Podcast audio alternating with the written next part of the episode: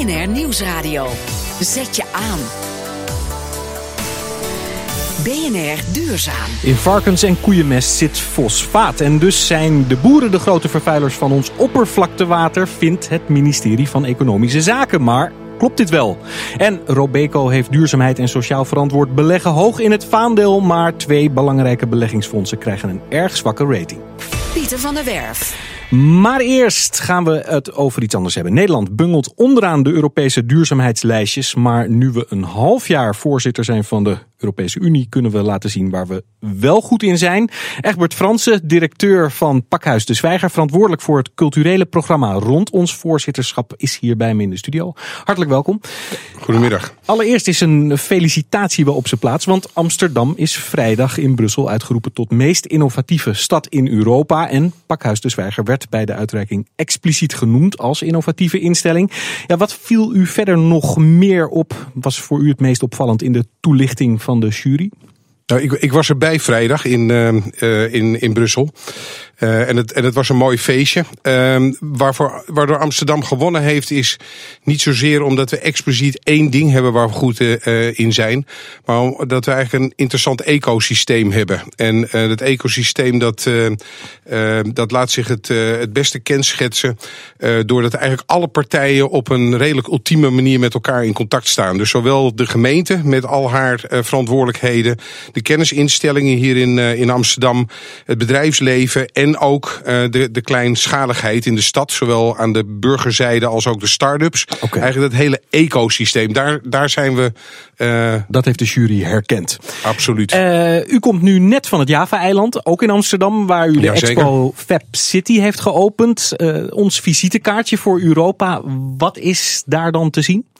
Nou, Fab City is op de kop van het Java-eiland een, een werkplaats. Het is niet zozeer een expo-plaats, maar een werkplaats waar 2,5 maand uh, jonge mensen, uh, studenten, samen met bedrijfsleven, kennisinstellingen, 2,5 maand gaan werken aan een aantal belangrijke oplossingen voor die vraagstukken die, uh, die de stad op dit moment aandoen. Ja, maar hoe, hoe groot is het? Het is, het is groot. Het is 10.000 vierkante meter. het, het is het meest begeerde stukje braakliggend Amsterdam. Wat 2,5 maand helemaal volgebouwd staat met werkplaatsen, 3D-printers. Er worden tiny houses gebouwd. veel rondom big data. het fietsprobleem wordt, wordt aangepakt. kortom, de vraagstukken van de stad. Te veel om op te noemen. Onze yep. verslaggever Yigal Krant, die is daar nu. Yigal, is het, is het wat? Nou ja, het is hier prachtig weer. Uh, de mensen zijn vrolijk. Uh, dus het maakt uh, allemaal een reuze sympathieke indruk hier. En ik ben ook wel wat sympathieke ideeën hier tegengekomen. maar dat is ook precies wat het is. om nou te zeggen dat, het hier, dat ik heel veel hemelbestormende, allesoplossende innovaties heb gezien. Nee, maar het zijn veel kleine, sympathieke ideetjes. Veel paviljoens hier richten zich op de huisvestingsproblematiek. Zo heb je hier containerwoningen. Je hebt een verplaatsbaar huis van restmateriaal. Ik heb een 3D-printhuis, maar dan weer niet van restmateriaal gezien. Een hennephuis. Allemaal leuke ideeën. Je zou willen dat ze de komende 11 weken eens met elkaar rond de tafel gaan zitten. En van die, al die ideeën één groot, allesomvattend idee maken. En ja, waarom ook niet? Ze zitten bij elkaar de komende 11 weken. En wie weet komt er wel iets heel moois uit. Oké, okay, dankjewel Jigal. En uh, blijf daar vooral rondlopen. Dan horen we je zo direct weer. Ga ik terug naar Egbert Fransen. Uh, want dit project is het culturele bijprogramma van ons voorzitterschap, gezegd. Hoe komt het nou dat uh, ja, u en uw pakhuis De Zwijger dit organiseren? Uh, we hebben een, een, een, tender gewonnen, anderhalf jaar geleden, die door uitgeschreven was door Buitenlandse Zaken. Okay. Op ingeschreven, gewonnen en een onderdeel daarvan is, is dit project. Um, heeft u een, een idee eigenlijk waarom wij zo onderaan die duurzaamheidslijstjes bungelen? Ja, ik, ik, uh, ik vertrouw daar niet zo op, op die, uh, op die lijstjes. Uh, misschien wel als het gaat om, uh, om, om de hoeveelheid zonnecellen of windmolens. Maar we zijn de afgelopen twee jaar vanuit Pakhuis Zwijger heel Europa doorgetrokken. En als ik dan zie hoe met name in de steden die deze slagen gemaakt worden, die innovatie tot stand komt. Ja. dan denk ik dat, dat Amsterdam in ieder geval, maar Nederland koploper is. Ja, waar zijn wij dan volgens u wel heel goed in als het gaat om duurzaamheid? Nou, we zijn, we zijn goed in tot in de haarvaten van die samenleving komen als het gaat over die innovatie. Je ziet in heel veel steden, of het nou Parijs, Londen, al die grote steden is, Ja. dat de grote bedrijven komen met hun grote technologische oplossingen, waarbij eigenlijk geen enkele aansluiting is bij de mensen die in de stad wonen. Ja. En dat doet Amsterdam echt heel erg anders. Dat doet Nederland anders, omdat we gewoon een andere cultuur hebben. Oké, maar dat is wel opmerkelijk wat u zegt. Want Ja. dan zou er eigenlijk in Nederland veel meer draagvlak moeten zijn. Terwijl dat vaak bij die grote projecten juist ontbreekt. Hè? De windmolenprojecten, niemand wil het eh, in de buurt hebben. Ja, nou ja, ik denk dat het een interessante kanteling is op dit moment. Dat je ziet dat die samenleving eh, het, eh, het, het heft in eigen handen aan het nemen is. Je ziet in de steden, niet alleen in Amsterdam, eh, een grote hoeveelheid energiecoöperaties eh, ontstaan. Die kleinschaligheid die pakt het eh, over. Daar waar het, het, het grote bedrijfsleven en, eh, en de overheid het in heel veel gevallen niet lukt. Oké. Jigal, ehm, loop jij nog steeds daar rond? Wat, wat, wat, wat zie je nu? Wat maak je Ja, allemaal ik- weer mee? Ik sta hier eh, eh, tussen twee paviljoens en dat is wel leuk. Ik heb hier een, eh, een oud gediende en een wat jongere vrije geest. Om met de tweede te beginnen, Roen Schoenmakers van Cascoland. U maakt hier in deze container van oud brood energie en daarmee weer wit brood. Legt u dat uit? Wij zamelen, we zamelen brood in. Dat vergisten we met bacteriën tot biogas. En op dat gas bakken we nieuw brood. Dus oud, gas, oud brood wordt gas, wordt nieuw brood. En hoe komt u aan het brood? Dat, dat zamelen we centraal in een broodbak in Amsterdam-West. Oké, dus mensen die moeten eh, de komende elf weken hun brood niet weggooien, maar hier meenemen en dan gaat u dat vergisten. Dat kunnen we gebruiken, heel goed. Ja. Nou, eh, en naast u staat, eh, zoals ik al zei, een oudgediende. eh Luut Schimmelpenning, vermaard en berucht Provo. In 68 lanceerde u het witte fietsenplan. U kwam ook met de Witkar, een, een, een elektrisch autootje avant la lettre... dat het uiteindelijk niet heeft gehaald.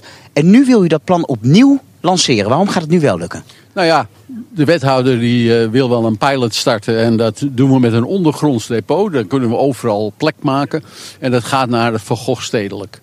Nou, dat staat hier. Hier ziet u het lichthuisje staan. Daar staat ook de witkar. En dat is een prima ondersteuning voor een voetgangersstad. Hè, die we eigenlijk graag willen. Ja, ik zie een Witkar die zwart is. Nee, dan moet je deze, die witte Oh, die daarnaast. Die is wit inderdaad. Eh, moet je daar je rijbewijs voor hebben? Heb je geen rijbewijs. Nou, dat is, eh, dat is mooi, maar dan ben ik wel bang dat na het uitgaan op de donderdagavond ze en masse eh, met die witkarretjes de gracht inrijden. Ja, dat zei ze de 70 jaar ook, maar dat is niet gebeurd. Nee, maar toen is het ook niet gelukt. Nu gaat het Nou wel ja, lukken. het gaat nu lukken. En daarom, waarom zullen ze naar de gracht in komen? En waarom, en tenslotte, even kort, waarom gaat het nu wel lukken? Nou ja, het had toen ook wel gelukt als de gemeente maar niet zo tegen had gewerkt. Maar nu wil de gemeente wel. Dat is het grote verschil. Nou, er is hier veel te zien, Pieter. Ik zou zeggen, neem ook eh, binnenkort hier een eh, kijkje. Veel jonge ondernemers met veel leuke, kleine, sympathieke plannen. Ja, hartelijk dank Jigal Krant, BNR-verslaggever. En goed om nog even te zeggen, het is vrij toegankelijk tot en met 26 juni dus op het Java-eiland in Amsterdam. Ten slotte nog even terug naar Egbert Fransen, eh, directeur Pakhuis de Zwijger. Eh, volgens, wat zouden de mensen volgens u echt daar moeten gaan zien? Uh, er is heel veel te zien. Overigens, dit is mooi. Hè? Luut, Luut Schimmelp- Schimmelpenning is degene die er wel voor gezorgd heeft dat het de, de eh, fietsenplannen nu over de wereld heen. En dat is in Amsterdam eh, begonnen. Alle Ja. grote steden hebben een, een witte fietsenplan nu. Hè? Ehm, Maar wat eh, zouden ze volgens ga, u echt moeten ga zien, Het, ja? eh, ga het Wikkelhuis zien. Het Wikkelhuis, wordt, wat is wordt dat? gemaakt in, in Amsterdam Noord. Eh, kartonsnippers of houtsnippers wordt karton van gemaakt. Wordt gewikkeld rondom een frame. En daar wordt een prachtig mooi huisje van, van gemaakt. Heel goed voor, voor vluchtelingen te gebruiken. En de opgave daar is om off-grid te gaan. Oké. Nou, bent u eh, meteen eh, getrokken door eh, deze advertentie voor het Wikkelhuis? Luister dan naar BNR Bouwmeesters op woensdag, want daar is nog veel meer over dit onderwerp. Ik wil u hartelijk danken, Egbert Fransen, directeur Pakhuis De Zwijger. Het lukt ons al tien jaar niet om de fosfaatconcentraties in het oppervlaktewater naar beneden te krijgen. En de boeren krijgen de schuld, maar zijn zij wel de boosdoeners? BNR Nieuwsradio. Zet je aan. BNR Duurzaam. In mest van varkens, kippen en koeien zit veel fosfaat dat zo min mogelijk in het oppervlaktewater terecht mag komen. Boeren hebben de afgelopen jaren veel maatregelen genomen om dit te voorkomen, maar nu blijkt uit onderzoek dat de belangrijkste bron van fosfaatvervuiling misschien wel heel ergens anders ligt. En Lubbert van der Delle, eh, van Delle moet ik zeggen, is eh, van Boerendenktank Mestdagfonds, is hier bij ons. Hartelijk Goedemiddag. welkom. Helemaal uit Leeuwarden hier naartoe gereden om ons hier even over bij te praten. Allereerst dat onderzoek. Eh, in opdracht van uw organisatie gedaan. Eh, wat blijkt daaruit? Wat daaruit vooral blijkt, is dat eh, de, de verbetering van de grondwaterkwaliteit, Ja. dat die eigenlijk door allerlei beleidsissues gewoon goed gelukt is. En dat het grondwater nadrukkelijk verbeterd is. En dat is ook het belang van zowel de agrariërs Ja. als de rest van Nederland. We zijn nu toe aan het oppervlaktewater. Ja. En bij het oppervlaktewater merken we nadrukkelijk dat er nog een sprong te maken is. Het oppervlaktewater is niet zo schoon zoals we het met elkaar graag willen Nee, hebben. Dat is even goed dat u dat onderscheid aanbrengt tussen grondwater en oppervlaktewater.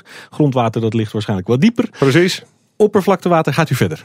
En bij oppervlaktewater, dat zit, dus, nou ja, dat, dat zit bovenaan, laten we het Ja. zo maar zeggen. Eh, daar zien we dat het eh, ja, nadrukkelijk nog niet schoon is. En vooral het oppervlaktewater, waar we het dan moeten zoeken, is het oppervlaktewater in Zeeland, in Zuid-Holland, in Noord-Holland en de uiterste ringetjes boven in Friesland en boven in Groningen. Zeg maar het oppervlaktewater tegen de zee aan, dat is qua fosfaat het allersmerigste oppervlaktewater. Ja. En daar hebben we met elkaar nog een slag in te maken. Ja. En die slag, eh, dat is ons allen eraan gelegen. Zowel de agrariërs als de niet-agrariërs. Dus heel, heel BV Nederland om die slag te maken. Maar Maar het beleid wat, wat zijn volgens uitgestippeld jullie is... de, de, de grootste fosfaatvervuilers? Laat ik even een, eh, nou, als je een kijkt, versnellingje erin gooien. Als Ja? je kijkt naar fosfaatvervuilers, dan zijn er eigenlijk vier belangrijke bronnen. Eh, op de eerste staat wel de landbouw, daarnaast de riooloverstorten, de watervogels en de natuurlijke kwel. Ja. Dat zijn de vier grote bronnen. Maar nou blijkt er uit jullie onderzoek iets opmerkelijks. En nu blijkt uit het onderzoek dat al het beleid gericht is om de bijdrage van landbouw te verlagen. Ja. Maar dat het oppervlaktewater op die plekken waar het niet schoon is, juist zit in gebieden waar de landbouw, met name de veehouderij, nauwelijks voorkomt. Ja, en dat is raar. Precies. Ja. Ehm, nou is dit onderzoek uitgevoerd door een landbouwjournalist, Geesje Rotgers. Eh, eh, waarom hebben jullie niet een wat gerenommeerde instituut eh, gevraagd? Bijvoorbeeld een universiteit? Wij hebben eh, eigenlijk diverse eh, instituten gevraagd. En we hebben vooral Geesje gevraagd om de uitkomst van al die instituten goed op de rij te zetten. Wat we ook nadrukkelijk hebben ervaren is dat het een complexe materie is. Was het een hele klus om dit onderzoek voor elkaar te krijgen? Het was een hele klus om het onderzoek voor elkaar te krijgen. Waarom? En vooral om Ja. er goed doorheen te kijken. Ja. Omdat er allerlei verschillende issues en belangen door elkaar lopen. Als het gaat om vee, dieren, mest en grond, heb je altijd met één instituut te maken. Maar zodra het gaat over water, waterschap, waterkwaliteit, lopen diverse instituten eh, lopen eigenlijk door elkaar heen. En wat u eigenlijk zegt is dus naast de landbouw eh, is het overstorten van rioolwaterzuiveringen een hele belangrijke veroorzaker. Kwel dat fosfaat omhoog drukt. Wat is kwel precies? Kwel is eh, eh, water wat eigenlijk van onderen komt. Dus Ja. eh, wanneer de zeewaterspiegel hoger staat, eh, dan Dan- drukt dat eigenlijk onder de dijk door water omhoog. Ja, daar kunnen de boeren ook verder niks aan doen. Precies. En dan nog de weidevogels. Meer de watervogels. De watervogels. Weidevogels is een heel ander issue. Oké. Nou gaat u morgen naar Den Haag om Inderdaad. aan de Tweede Kamer duidelijk te maken dat het huidige beleid niet deugt. Ehm, wat wilt u nu precies bereiken bij de politiek? Wat wij vooral bij de politiek willen bereiken, is niet zozeer de discussie over agro wel of agro niet. Wij willen vooral bereiken dat de politiek stappen zet om eh, rioolwater overstorten, watervogels en natuurlijke kwel, om daar ook stappen mee te zetten. Want de landbouw kan alleen die waterkwaliteit niet op orde krijgen. Zeker niet in die gebieden waar ze niet zit. Ik wil je hartelijk danken en veel succes. Lubbert van Delle van Boeren Denktank. Mesdagfonds. BNR Duurzaam. Hoe duurzaam is een beleggingsfonds? Aanbieders van deze fondsen claimen vaak duurzaam te zijn, maar tot nu toe moest je ze eigenlijk maar vertrouwen op hun blauwe ogen. Eh, Maar nu is er een tool die inzichtelijk maakt hoe duurzaam een fonds daadwerkelijk is. Steven Smit, hij is directeur Benelux van beleggingsonderzoeker Morningstar. Hartelijk welkom. Dankjewel. Jullie hebben die tool gemaakt. Hoe ziet die eruit? Het is een wereldwijd ratingsysteem waarin Ja. wij beleggingsfondsen, meer dan 20.000 fondsen wereldwijd, beoordelen op de holdings, op de bedrijven waarin ze beleggen en hoe duurzaam die bedrijven daadwerkelijk zijn. Oké. Eh, nou ken ik jullie van de sterretjes. Op die manier beoordelen jullie eh, beleggingsfondsen als het gaat om risico en rendement. De- eh, hoe, hoe kunnen we het nu zien? Ja, dit is eigenlijk weer eenzelfde soort beeldmerk, maar Ja. het gaat nu van 1 tot 5 globes, wereldbolletjes. Ja. En die zijn ook gewoon te zien eh, voor de belegger en de adviseur op de Morningstar sites. Ja. 15 Morningstar sites wereldwijd. Ja. En zo kun je dus zien Precies. aan de hand van 1 tot 5 wereldbolletjes, hoe doet jouw fondsen ten opzichte van vergelijkbare fondsen. En wat weet je dan als een fonds vijf bolletjes heeft? Dan weet je dat dat fonds in de sectoren waarin zij investeren, in de voorlopers belegt qua bedrijven, Ja. qua duurzaamheid. En Ja. bij ons is duurzaamheid drie dingen, wat men noemt in de industrie ESG, Ja. Environmental, Social and Governance. Dus het gaat niet alleen om milieu, environment, Ja. dat is één belangrijke pijler, Ja. maar het gaat ook om sociaal beleid en het gaat ook om goed bestuur. Precies. Ehm, en eh, het is allemaal relatief. Dus je hebt, eh, eh, het, gaat, het is geen absolute waardering. Het kan zijn, eh, bij wijze van spreken, ik noem maar wat, het kan zijn dat iedereen het slecht doet, maar dan de minst slechte krijgt vijf bolletjes of andersom. Of begrijp ik het niet goed? Nou, het, eh, hoe wij het als eerste opbouwen Ja. is een wereldwijd universum zonder te veel in detail te gaan. Te kijken naar waar belegt een fonds daadwerkelijk in. Dus we creëren hiermee transparantie. Dus voor het eerst kunnen beleggers echt het duurzaamheidsniveau aan Ja. de hand van de holdings zien. Ja, precies. En het, maar het, de bolletjes zijn in principe relatief. Het is niet een absolute waardering, maar het, is, het zijn de koplopers, bij wijze van spreken, de zoveel procent koplopers krijgen vijf bolletjes. En degene die helemaal achteraan blijven, die krijgen één bolletje. Dat is wat je ziet bij de bolletjes. Ja. Maar we publiceren bij elke rating van een beleggingsfonds Ja. ook een cijfer van 0 tot 100. Oké. Dus er is ook een absolute score. En dan gaan we vervolgens fondsen binnen één categorie. Dus appels met appels vergelijken. Ja. Bijvoorbeeld fondsen die beleggen in Nederlandse aandelen. Ja, ja. En dan krijgen ze 1 tot 5 wereldbolletjes. Dus zowel absoluut als relatief. Oké, wat denk jij nou dat dit kan betekenen voor een nou, transitie naar een duurzamere wereld? Uh, In de ik denk, beleggingswereld, Ik denk dat, wat- dat, uh, dat het heel belangrijk is. Ik Ja. denk dat het heel belangrijk is dat uh, bedrijven die een hele grote invloed hebben op de duurzaamheid in deze wereld. Ja. En, en hoe zij grondstoffen gebruiken en hoe zij producten samenstellen. Heel grote invloed hebben op het duurzaamheidsniveau. En beleggers zijn uiteindelijk de eigenaren van de bedrijven. Dus die beleggers kunnen ook bedrijven dwingen om duurzamer te gaan handelen. En als je kijkt naar hoeveel fondsen wij raten, meer Ja. dan 20.000, daar zit meer dan 13 triljoen uh, euro in. Dus Ja. 13.000 miljard. Ja, Dus als maar een paar procent van de beleggers kijkt naar onze nieuwe duurzaamheidsrating, dan heb je het al over een verschuiving van honderden miljarden. dan gaat het al om een enorm bedrag. Oké, ehm, nou gelukkig eh, bleek dat de bekende duurzame fondsen, duurzame beleggingsfondsen, het allemaal in ieder geval bovengemiddeld eh, deden, doen. Wat uh, opvalt is dat twee Robeco-fondsen, namelijk Robeco zelf en Rolinco, uh, zwak tot slecht naar voren komen. Henk Grootveld, fondsmanager van Rolinco. Goedemiddag. Goedemiddag. Geschrokken? Uh, ja, eigenlijk wel.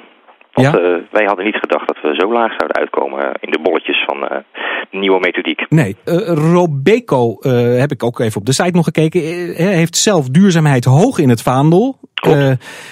ja, dan kan je je afvragen of dat klopt niet. Of de rating van Morningstar klopt niet. Nou, helaas is het Groeifonds Rolinco de dupe geworden van de methodiek van Morningstar. Ja. En uh, hebben we het helemaal bestudeerd. En eigenlijk komt dat op drie punten eigenlijk naar voren. Ja. Het eerste punt is dat Rolinco belegt top-down. En dat strookt niet met de best-in-class methodiek van, de, van deze scores. Dus bijvoorbeeld, bijvoorbeeld te geven, zo, zo beleggen, Rolinco belegt niet in fossiele brandstof... omdat we heel sterk geloven in uh, de hele snelle opkomst van zon- en windenergie. Ja. Maar door de best-in-class methodiek hebben bijvoorbeeld alle grote oliebedrijven in Europa... een hele mooie hoge score in de, in de Morningstar ja, methodiek. Ja, ja, ja. Maar bijvoorbeeld uh, de producenten van zonnepanelen in Azië zijn die allemaal genoteerd... hebben een hele lage score.